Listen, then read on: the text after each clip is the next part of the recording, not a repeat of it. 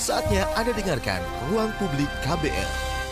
Selamat pagi, kita berjumpa kembali dalam Ruang Publik KBR bersama saya Don Brady dengan tema pagi hari ini dampak penerapan pembatasan merek dan kemasan pada konsumen. Saudara, wacana pembatasan merek dan kemasan di Indonesia su yang sudah berlaku di uh, produk tembakau diprediksi akan juga diberlakukan juga bagi produk konsumsi. Aturan ini dianggap dapat melindungi konsumen dari paparan produk-produk yang dipercaya tidak sehat. Tapi wacana ini ditolak Wakil Ketua Umum Bidang Kebijakan Publik dan Hubungan Antar antar lembaga Gabungan Pengusaha Makanan dan Minuman Indonesia atau GAP MMI, Rahmat Hidayat. Dia menilai tidak ada urgensi dan manfaat penerapan ini pada barang konsumsi dan bisa berpotensi membuat konsumen kebingungan dan penjualan turun. Dari sisi konsumen seperti apa dampak pembatasan merek dan kemasan produk ini? Untuk berbincang soal ini telah hadir di studio KBR Sularsi, pengurus harian Yayasan Lembaga Konsumen Indonesia atau YLKI. Selamat pagi Bu Sularsi. Pagi Mas.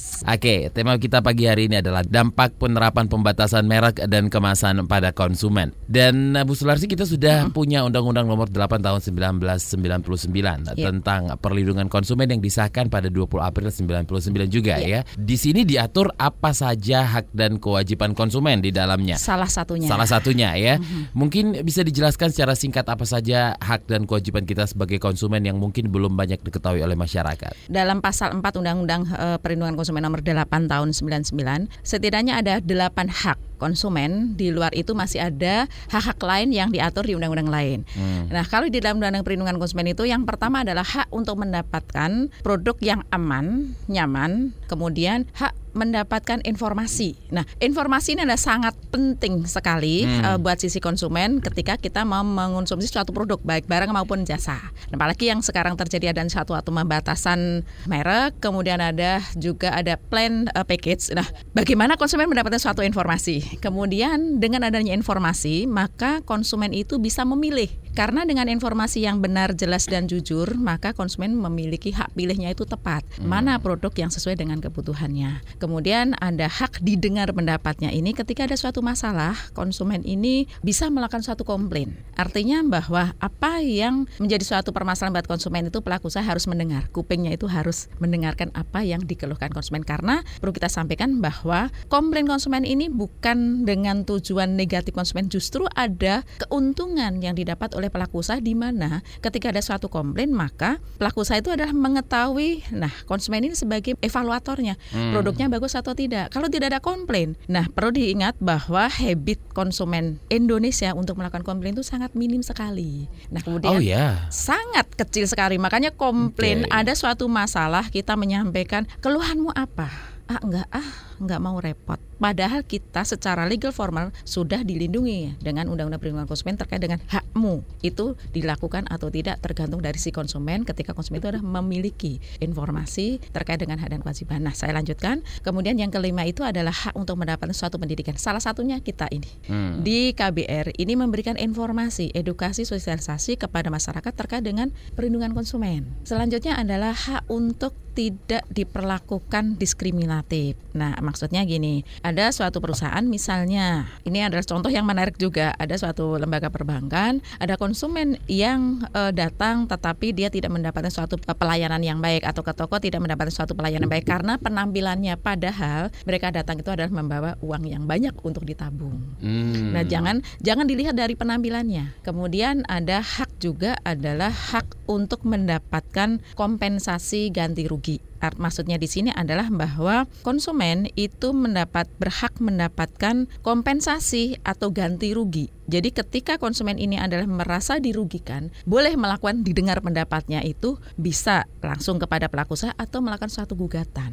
Kalau dulu ya sebelum ada legal atau undang-undang ini, ini atau sama atau tidak koreksi saya ya. kalau salah bu. Mhm. Konsumen adalah raja, pembeli adalah raja, itu sama nggak sih? Iya itu, itu kan sebagai jar sekarang ya, itu sebagai jargonnya dulu. Tetapi uh, sekarang ini bahwa konsumen adalah raja, iya masih tetap berlaku karena tetap berlaku, karena ya? gini bahwa ada tiga pilar dalam suatu bisnis. Satu hmm. adalah pelaku usaha, yang kedua adalah konsumen, yang ketiga adalah pemerintah. Tanpa ada konsumen, pelaku usaha tidak akan hidup, tidak akan berjalan produknya. Betul. Tanpa ada pelaku usaha, konsumen juga ke mana saya akan mendapatkan suatu produk yang ia butuhkan. Hmm. Nah, yang terakhir ini ada sebagai penyeimbang regulator ini atau pemerintah ini adalah memberikan suatu regulasi agar memberikan perlindungan pada para pihak dalam hal ini adalah sebagai pelaku usaha maupun sebagai konsumen. Artinya ini adalah fairness di dalam suatu bisnis. Artinya saling menguntungkan. Itu satu. Kemudian yang kedua bahwa saat ini adalah kalau dulu dikatakan adalah hanya konsumen oriented. Hmm. Nah, kalau sekarang ada ada yang namanya after sale service. After sale ya, service. Ya, kalau dulu kan ya udah saya jual putus saja. Tetapi sekarang tuh ada loh tuntutan masyarakat ketika ini produk dijual kepada masyarakat, after sale service-nya seperti apa? Jadi ini adalah lebih kepada consumer oriented gitu. Oke, okay, eh, customer apa customer oriented? Gitu? Customer gitu? artinya bahwa produk dibuat sebagus apa pun ketika itu tidak disenangin konsumen, tidak dibutuhkan konsumen, ini pun juga tidak akan laku. Contoh, hmm. dalam ini kaitannya dengan kemasan nih, bahwa saya contohkan kalau ada suatu produk misalnya produk uh, sempo ya yang semuanya pakai, ada yang ukuran uh, 100 ml, yeah. mili. kemudian ada yang 5 mili yang kemasan saset. Nah, kalau yang diproduksi adalah yang 100 mili, ini hanya berapa orang yang membeli, tetapi kalau yang 5 saset ini kan banyak orang yang membeli sesuai dengan kebutuhannya dia. Hmm. Maka dia secara volume akan lebih banyak yang memproduksi karena kebutuhan konsumen ada hanya yang dibutuhkan 5 mili tadi gitu. Bukan yang 100 mungkin 100 ya dibutuhkan hanya sebagian kecil. Tetapi yang mayoritas 80% adalah yang kemasannya kecil. Nah ini yang sangat diperlukan informasi buat pelaku usaha. Kebutuhan konsumen itu apa Hmm. Nah, perlu kami sampaikan di sini juga bahwa konsumen itu punya tiga fungsi. Satu adalah sebagai evaluator tadi, hmm. bahwa apa pun produk yang dibuat oleh pelaku usaha ketika dilempar ke pasaran, maka konsumen yang akan menentukan sebagai penentu, sebagai evaluasi produknya itu bagus atau tidak. Kemudian ditentukan konsumen akan membeli atau tidak itu yang menentukan, yang menentukan adalah konsumen. Gitu. Oke, okay. dan um, tadi Ibu Sularsi juga sempat menyebutkan adalah salah satu tipe dari konsumen Indonesia itu adalah jarang melakukan komplain terhadap apa barang yang sudah yeah. dibelinya. Yeah. Apakah ini merupakan satu kekhawatiran dari konsumen di Indonesia takut dilaporkan kembali? Ya, ini yang yang perlu kami sampaikan. Uh. Menarik kesempatan ini juga bahwa dengan adanya Undang-Undang Perlindungan Konsumen tadi, hak kita adalah dilindungi secara aturan undang-undang. Tetapi ada pelaku usaha-pelaku usaha yang kadang paranoid ketika konsumen ini melakukan suatu pengaduan, nah yang perlu dilakukan ketika konsumen ini melakukan haknya atau menggunakan haknya yang didengar ini adalah konsumen dengan punya etiket baik. Dia bicara terkait dengan fakta dan data, bukan berdasarkan fiksi. Nah, hmm. Nah, kalau itu berdasarkan fitnah atau fiksi, itu haknya pelaku usaha juga dalam dia juga dilindungi atas haknya hmm. mendapatkan perlindungan hukum hmm. terkait dengan etika konsumen yang tidak baik seperti itu. Ini adalah balance. Hmm. Nah, yang kedua adalah ada pelaku usaha yang paranoid tadi, tidak mau didengar pendapatnya sama sekali menutup kuping. Yang penting bahwa saya melakukan suatu usaha selesai konsumen masa bodoh. Nah ini Target artinya tercapai betul, gitu. artinya bahwa dia akan mengubur dirinya sendiri karena persaingan ini kan sangat ketat sekali. Bah konsumen adalah sebagai penentu. Hmm. Ketika informasi itu adalah disampaikan secara utuh, konsumen punya hak pilih. Memilih produk mana yang dia adalah butuhkan, memilih produk mana yang kualitasnya lebih bagus. Oke. Okay. Itu. Bu Sularsi, di saat seperti apa seorang konsumen itu bisa komplain terhadap barang bisa dikasih contoh agar ini tidak menjadi fitnah yeah. dan tidak uh, si perusahaan itu tidak menuntut balik si konsumen yeah. ini. Barang itu berupa ada barang ada jasa, hmm. ya kan? Hmm. Kalau untuk produk-produk misalnya properti. Ini kan dasarnya adalah transaksinya misalnya. Ada tiket ada bukti-bukti yuridisnya yeah. ada dokumen-dokumennya. Yeah. mm. nah kalau itu pangan itu adalah bukti fisiknya juga. Misalnya pangan yang diadukan misalnya saya makan ini akhirnya muntah-muntah. Benar nggak bahwa muntah-muntah itu diakibatkan oleh pangan tersebut? Nah ini kan harus dibuktikan karena pembuktian itu adalah ada di tangan pelaku usaha. Di dalam undang-undang perlindungan konsumen adalah pembuktian terbalik. Itu adalah di tangan pelaku usaha. Kalau dulu dulu yang membuktikan siapa yang membu uh, yang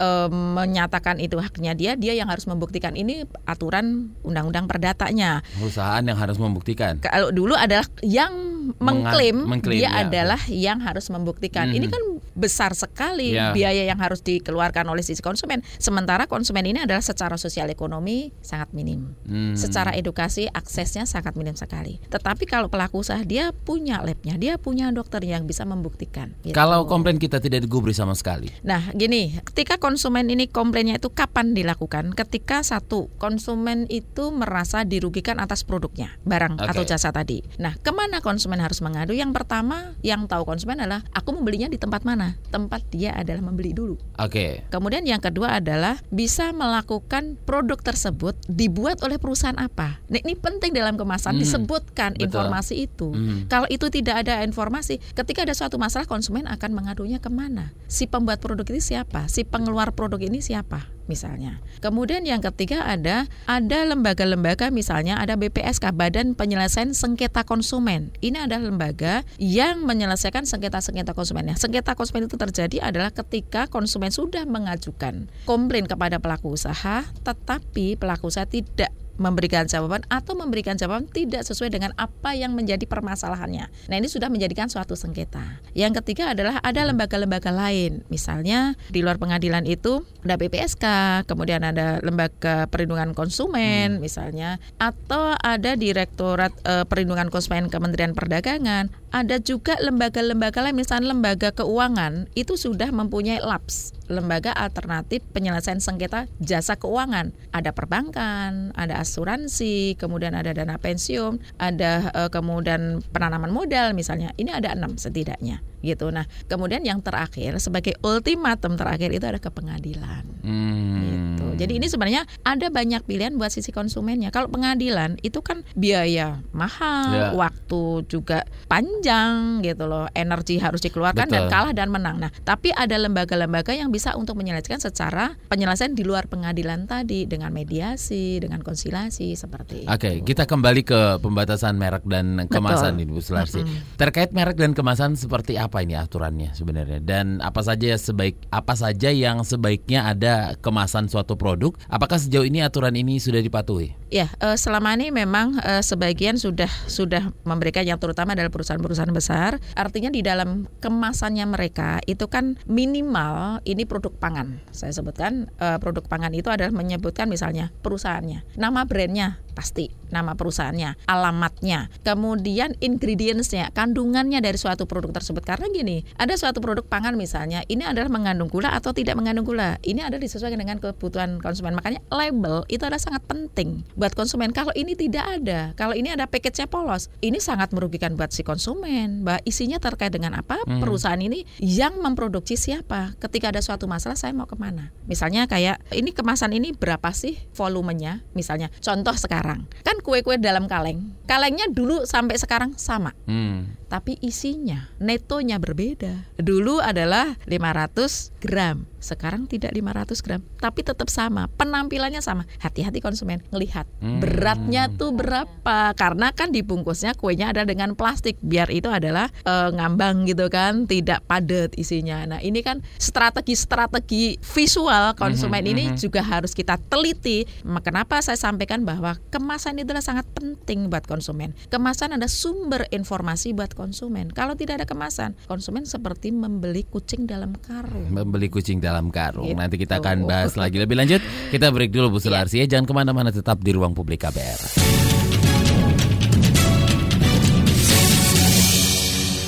Anda masih mendengarkan Ruang Publik KBR bersama saya Don Brady dengan tema pagi hari ini dampak penerapan pembatasan merek dan kemasan pada konsumen. Saya masih bersama Sularsi, pengurus harian Yayasan Lembaga Konsumen Indonesia YLKI. Bu Sularsi, Ya. sebelum kita lanjutkan ngobrol soal penerapan pembatasan merek dan kemasan pada konsumen ini, kita angkat dulu ada telepon dari Bapak Erik di Depok. Pak Erik, selamat pagi. Selamat pagi, Bung. Ya, silakan Pak Erik. Saya setuju dengan pembatasan merek dagang Merek dan konsumen kemasan. Ya. ya, merek dan kemasan untuk konsumen, terutama untuk seperti makanan, minuman dan obat-obatan. Mm. Karena kan kita tahu sekarang banyak produk-produk yang membanjiri pasaran, tapi produknya produk dari mana kan orang kan kadang nggak ada label perusahaannya atau apa gitu. Kalau yang di Indonesia seperti produk makanan dan minuman itu yang populer itu kayak produksi Indofood, Hmm. Wings Food dan lain-lain segalanya itu kan udah terjamin lah istilahnya kan. Oke. Tapi kalau yang lain-lain kan, apalagi barang-barang dari luar itu belum tentu ada perusahaan pengeluarannya kan iya kan hanya melalui istilahnya semacam perwakilan di Indonesia. Dan Hmm. yang kedua kalau kita lihat di pemerintah itu kan ada namanya Badan Pengawasan Obat dan Makanan gitu kan. Mhm. Sekarang kan mereka itu mengawasinya kadang-kadang kalau sudah barang konsumen itu udah kadaluarsa mereka baru survei ke pasar-pasar atau swalayan. hmm. Padahal kan kadang-kadang konsumen sudah dirugikan. Hal-hal Ya. seperti ini kalau orang komplain itu ke YLKI atau ke pemerintah mungkin bisa tanggapannya dari YLKI. Baik. Itu saja Bu. Terima kasih Bapak pagi. Erik di Depok. Selamat pagi. Em, sebelum kita membahas atau menjawab pertanyaan dari Pak Erik di Depok, oke, mari kita artikan dulu nih Bu Sularsi. Iya. Pembatasan merek dan kemasan. Apa sih sebenarnya? Justru ini yang kita menjadi bertanya-tanya, Oke. yang dimaksud pembatasan merek dan pembatasan eh, Kemasan. kemasan, Ya. ini adalah yang seperti apa? Harusnya dalam hal ini, ini kan pemerintah yang akan memberlakukan. Pemerintahnya harusnya menginformasikan seperti apa nih Hmm. modelnya. Jadi ini kan menjadi suatu kebingungan juga kepada masyarakat. Apakah yang dimaksudkan adalah A? Jangan-jangan adalah yang B. Tadi disampaikan oleh Pak Erik mengatakan bahwa Produk A atau produk, produk, A B itu atau ya? produk B, Hmm. produk yang dari luar itu pembatasan ini adalah berbeda yang dimaksudkan. Apakah yang seperti itu? Hmm. Nah, ini kan kita juga belum mendapatkan suatu informasi harusnya pemerintah karena ini kan kaitannya dengan WTO Hmm. di sana itu. Nah, kalau yang setahu saya adalah pembatasan merek merek, dan dan, kemasan. kemasan. ini adalah terkait dengan produk-produk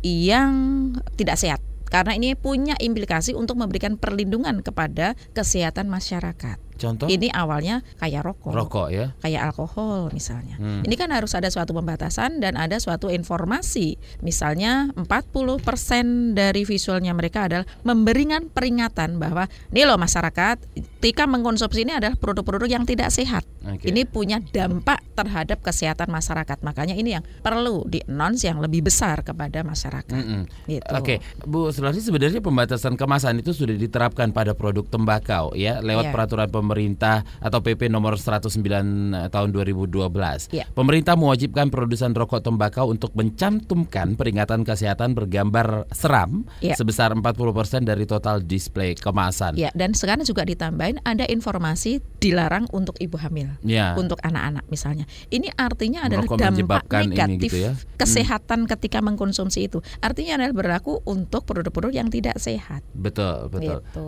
Berarti kalau banyak produk tidak sehat nanti akan digunakan Iya. eh, apa namanya peringatan seperti itu Ya, tadi. peringatan-peringatan itu adalah sangat penting buat masyarakat. Oke. Gitu. Karena ini ada tanggung jawab negara juga untuk melindungi kesehatan masyarakat. Jangan sampai nanti masyarakatnya banyak yang sakit, kemudian adalah larinya ke BPJS. Hmm. Akhirnya BPJS defisit lagi. Ini beda lagi nih. Udah mau naik bu 100% Iya.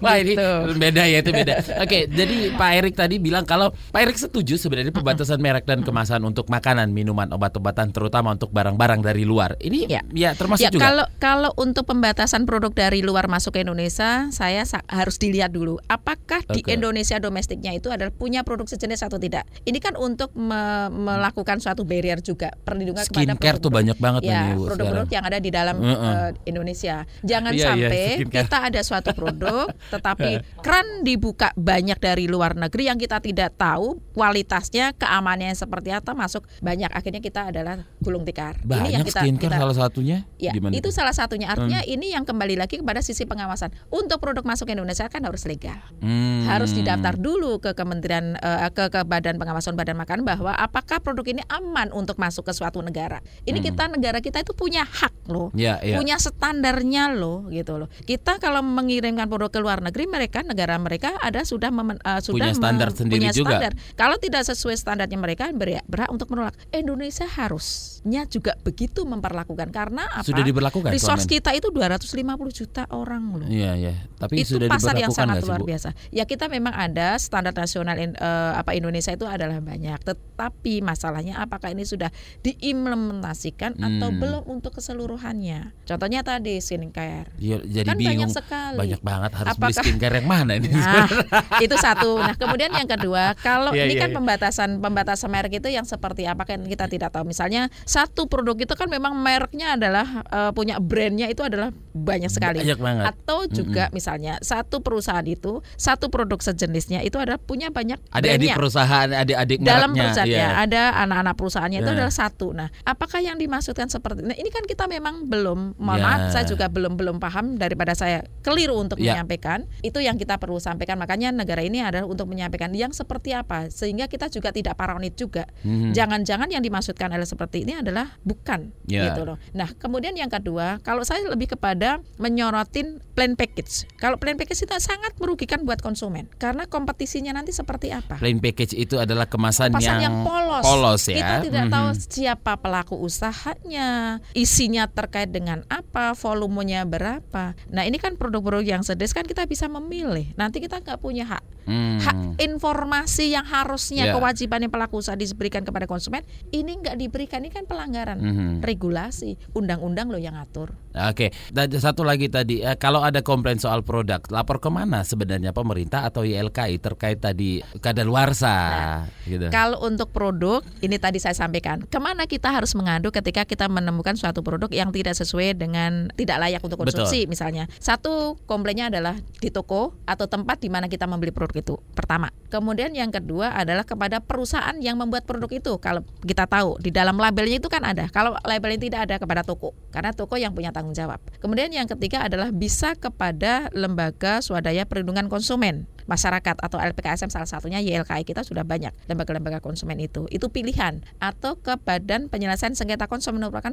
eh, suatu badan penyelesaian sengketa di luar pengadilan jadi penyelesaiannya hanya 21 hari gitu Ah, atau ke pengadilan ini pilihan buat masyarakat atau ke Kementerian Perdagangan juga ada ada Badan Pengawasan Obat dan Makanan atau BPOM juga ada ini pilihan masyarakat mau ke mana Oke. jadi kanalnya sekarang banyak Kita ke telepon dulu Bu eh Sunarsi. Ada Jono di Bengkulu. Selamat pagi Pak Jono. Selamat pagi bang. Iya silakan. Ini bang itu tuh kan apa ya yang masalah izin-izin tadi itu kan itu kan kita kan udah tahu kalau produk itu katanya tadi kan kurang kurang bagus gitu mbak bang ya Mhm. ataupun kurang baik untuk dikonsumsi oleh konsumen itu kok masih diproduksi dan diizinkan untuk beredar seperti rokok atau apalah gitulah bang gitu ya. Mhm.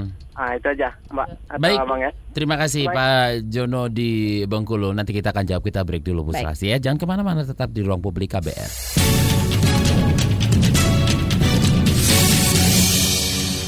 Anda masih mendengarkan Ruang Publik KBR bersama saya Don Brady dengan tema pagi hari ini dampak penerapan pembatasan merek dan kemasan pada konsumen. Saya masih bersama Sularsi, pengurus harian Yayasan Lembaga Konsumen Indonesia YLK. Ibu Sularsi, tadi sebelum break kita sudah ada telepon dari Pak Jodo di Bengkulu. ya Yang bertanya, ada produksi kurang baik seperti rokok. Kenapa masih dijual? Nah, sebenarnya satu, rokok itu kan produk yang tadi saya sampaikan, Hmm. produk yang tidak sehat untuk dikonsumsi oleh masyarakat. Kemudian yang kedua adalah bahwa ini hanya ada larangan-larangan untuk anak-anak di bawah umur tidak Ya. boleh membeli. Itu tata niaganya diatur secara secara detail, aturan-aturan iklannya pun juga diatur dengan detail karena ini memang produk yang punya sebagai zat adiktif yang mem- eh, mempengaruhi nanti kesehatan masyarakat. Maka ini diberikan yang namanya cukai. Hmm. Harus ada biaya cukai tadi. Nah, cukai ini sebagai kayak membayar kepada negara bahwa ini akan berakibat dampak Ya, eh, negatifnya terkait dengan kesehatan. oke. Artinya itu, kalau menurut saya ya rokok memang ada suatu aturan-aturannya tersendiri. Mhm. Ini sudah sangat khusus. Minuman beralkohol juga sangat khusus diatur tersendiri karena ini ada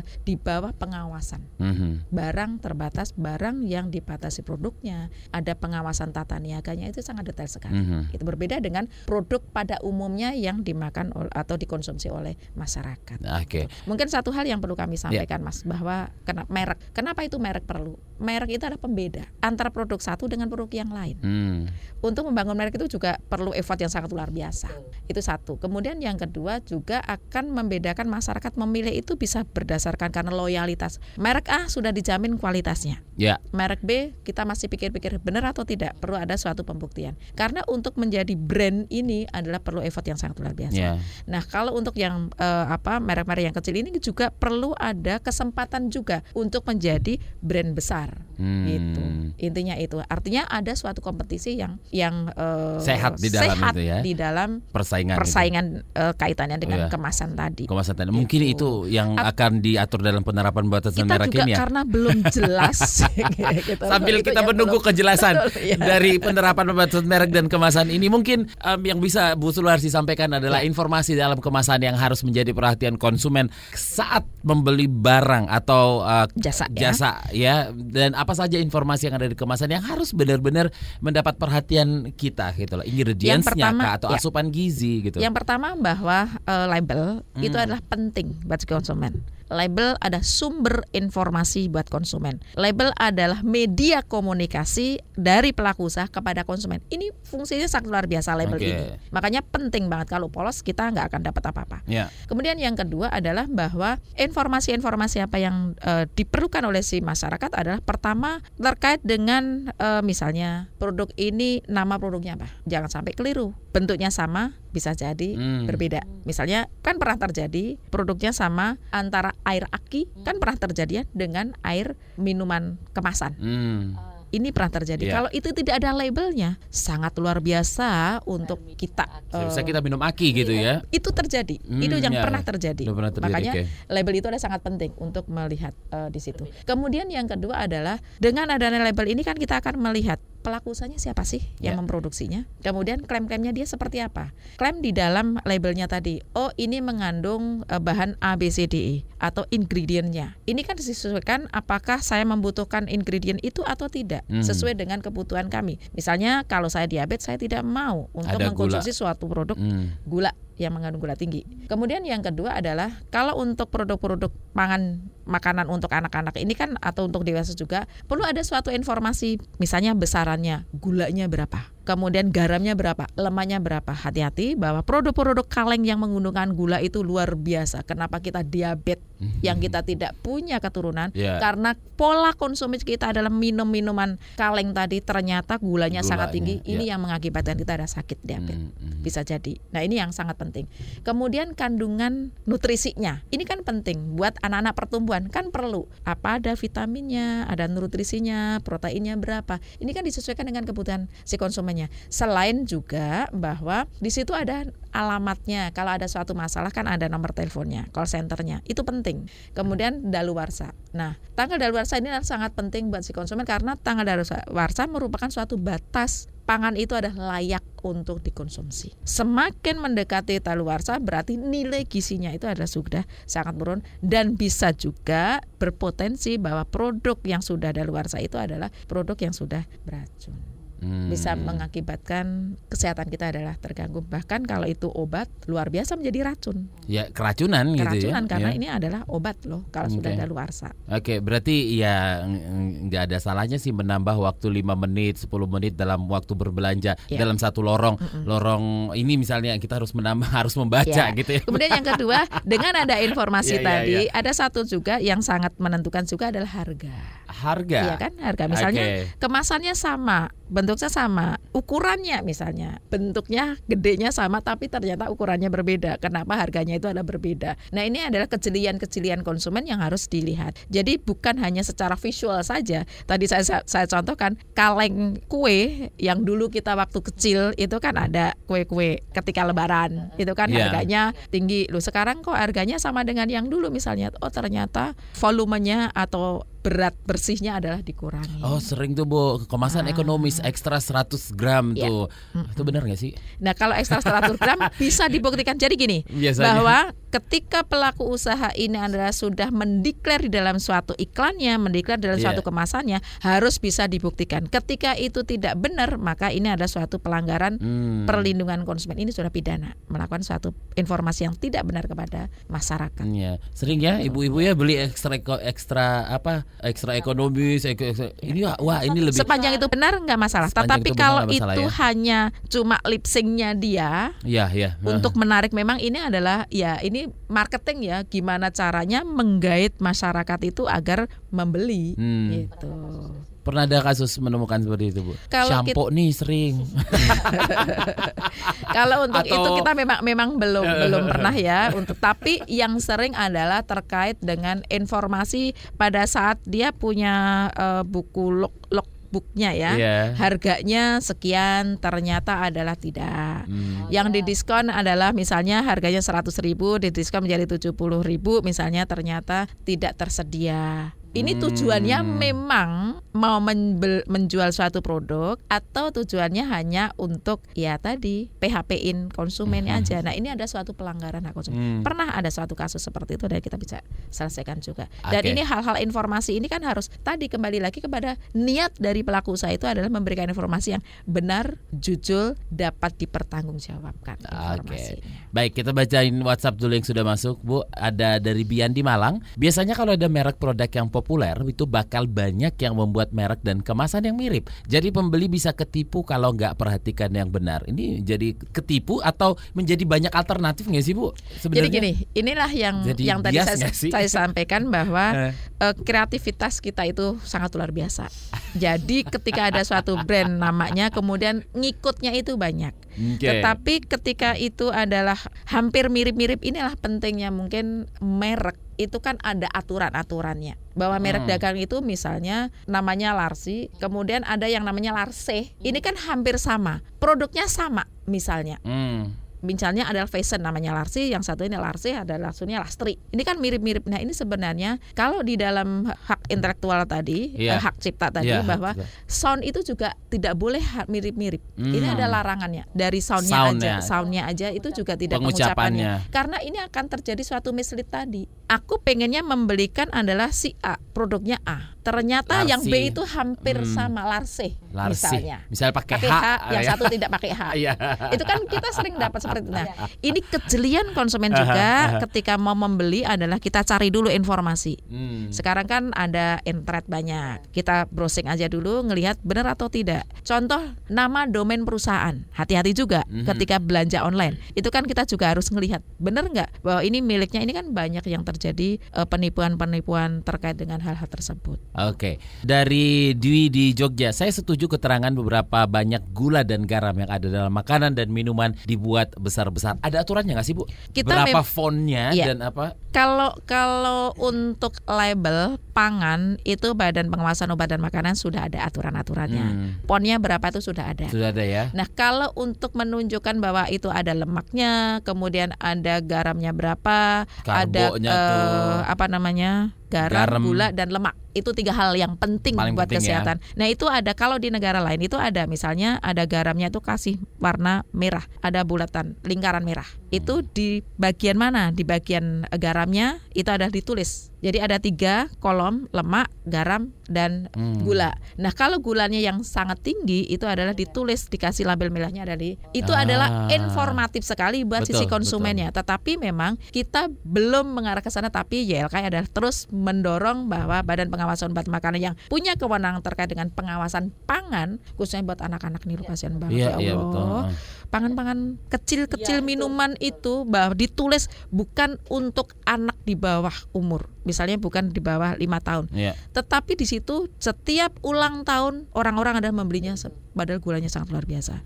Inilah yang perlu orang tua itu penting banget membaca label. tadi. Oke, ini masih banyak banget WhatsApp yang harus kita bacakan tapi kita Iya. break lagi nih Bu ya. Jangan ke mana-mana, tetap di ruang publik KBR.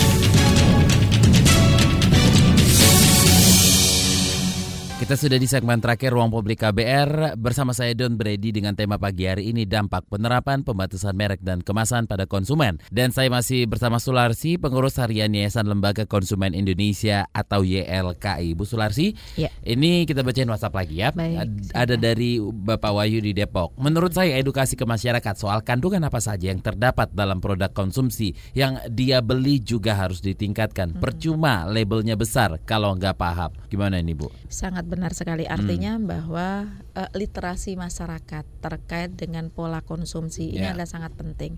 Tadi eh, pada saat off air kita menyampaikan Hmm. membahas terkait dengan MSG. Mhm. terkait dengan gula, terkait dengan eh, garam, terkait dengan lemak. Ini kan penting karena tidak semuanya adalah mengetahui bahwa misalnya MSG itu kan memang tidak bagus. Boleh boleh mengkonsumsi ada batasan. Ada batas. Ada ya. batasannya. Sama dengan gula, juga boleh, ada batas tetapi juga. ada batasannya. Ya. Tapi kita juga melihat bahwa misalnya di dalam minuman kaleng yang kita minum setiap hari ini kan sekarang sudah menjadi suatu tren anak-anak muda, anak-anak milenial. Minumnya adalah minuman yang serba instan. Padahal di situ adalah kandungan gulanya sangat tinggi, kemudian adalah minum kopi tambah gula lagi, di rumah ada sayur yang ada gulanya lagi, Duh. beli kuenya ada gula lagi. Minuman kekinian tuh banyak banget. makanan-makanan yang kekinian yang Gulanya tuh. cepat instan itu gulanya sangat tinggi. Iya, iya, iya, iya. Nah ini yang kesehatan masyarakat Hmm. itu juga tergantung dari pola. Saya sangat setuju dengan eh, Bapak tadi yang disampaikan bahwa edukasi ini adalah sangat penting di semua lini. Baik itu terutama adalah untuk orang tua karena ini ada konsumsi untuk anak-anak. Nah kita eh, di JLKI juga kita melakukan eh, kampanye makanan sehat kepada anak di sekolah. Ini yang yang bisa menjadikan suatu agen informasi untuk menyampaikan kepada orang tuanya. Karena kalau si orang anaknya ini yang bisa memperingatkan orang tua, orang tuanya juga akan eh, terbuka akan pemikirannya. Oke. Ini yang kita pakai untuk melakukan suatu edukasi. Dari Linda di Jambi, saya kurang setuju kalau bungkus makanan misalnya dibatasi, warnanya sama atau desainnya sama. Beda saja saya kadang suka salah beli, apalagi kalau mirip-mirip. Gimana nih, Bu? Itu yang yang tadi saya sampaikan bahwa Kita belum kalau tahu ya. mirip Iya. ya kalau itu ada pembatasan dan itu adalah mirip-mirip misalnya. Ini yang dirugikan siapa? Konsumen. Ya, ya. Yang kedua juga pelaku usaha. Ini kan akan terjadi suatu pendomplengan.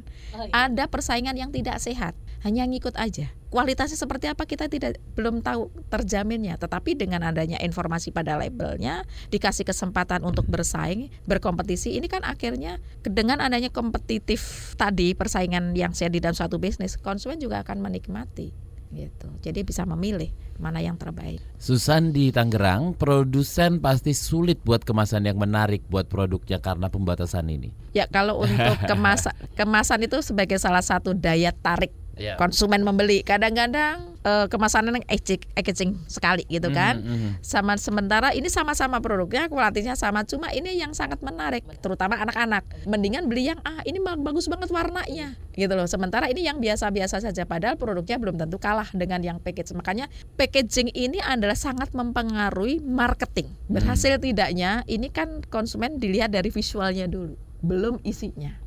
Biasanya terprovoknya itu adalah di situ Hmm, awal-awalnya. awal-awalnya ya. Betul. Oke, em, terkait penerapan pembatasan merek dan kemasan pada konsumen ini, Bu Sulasi.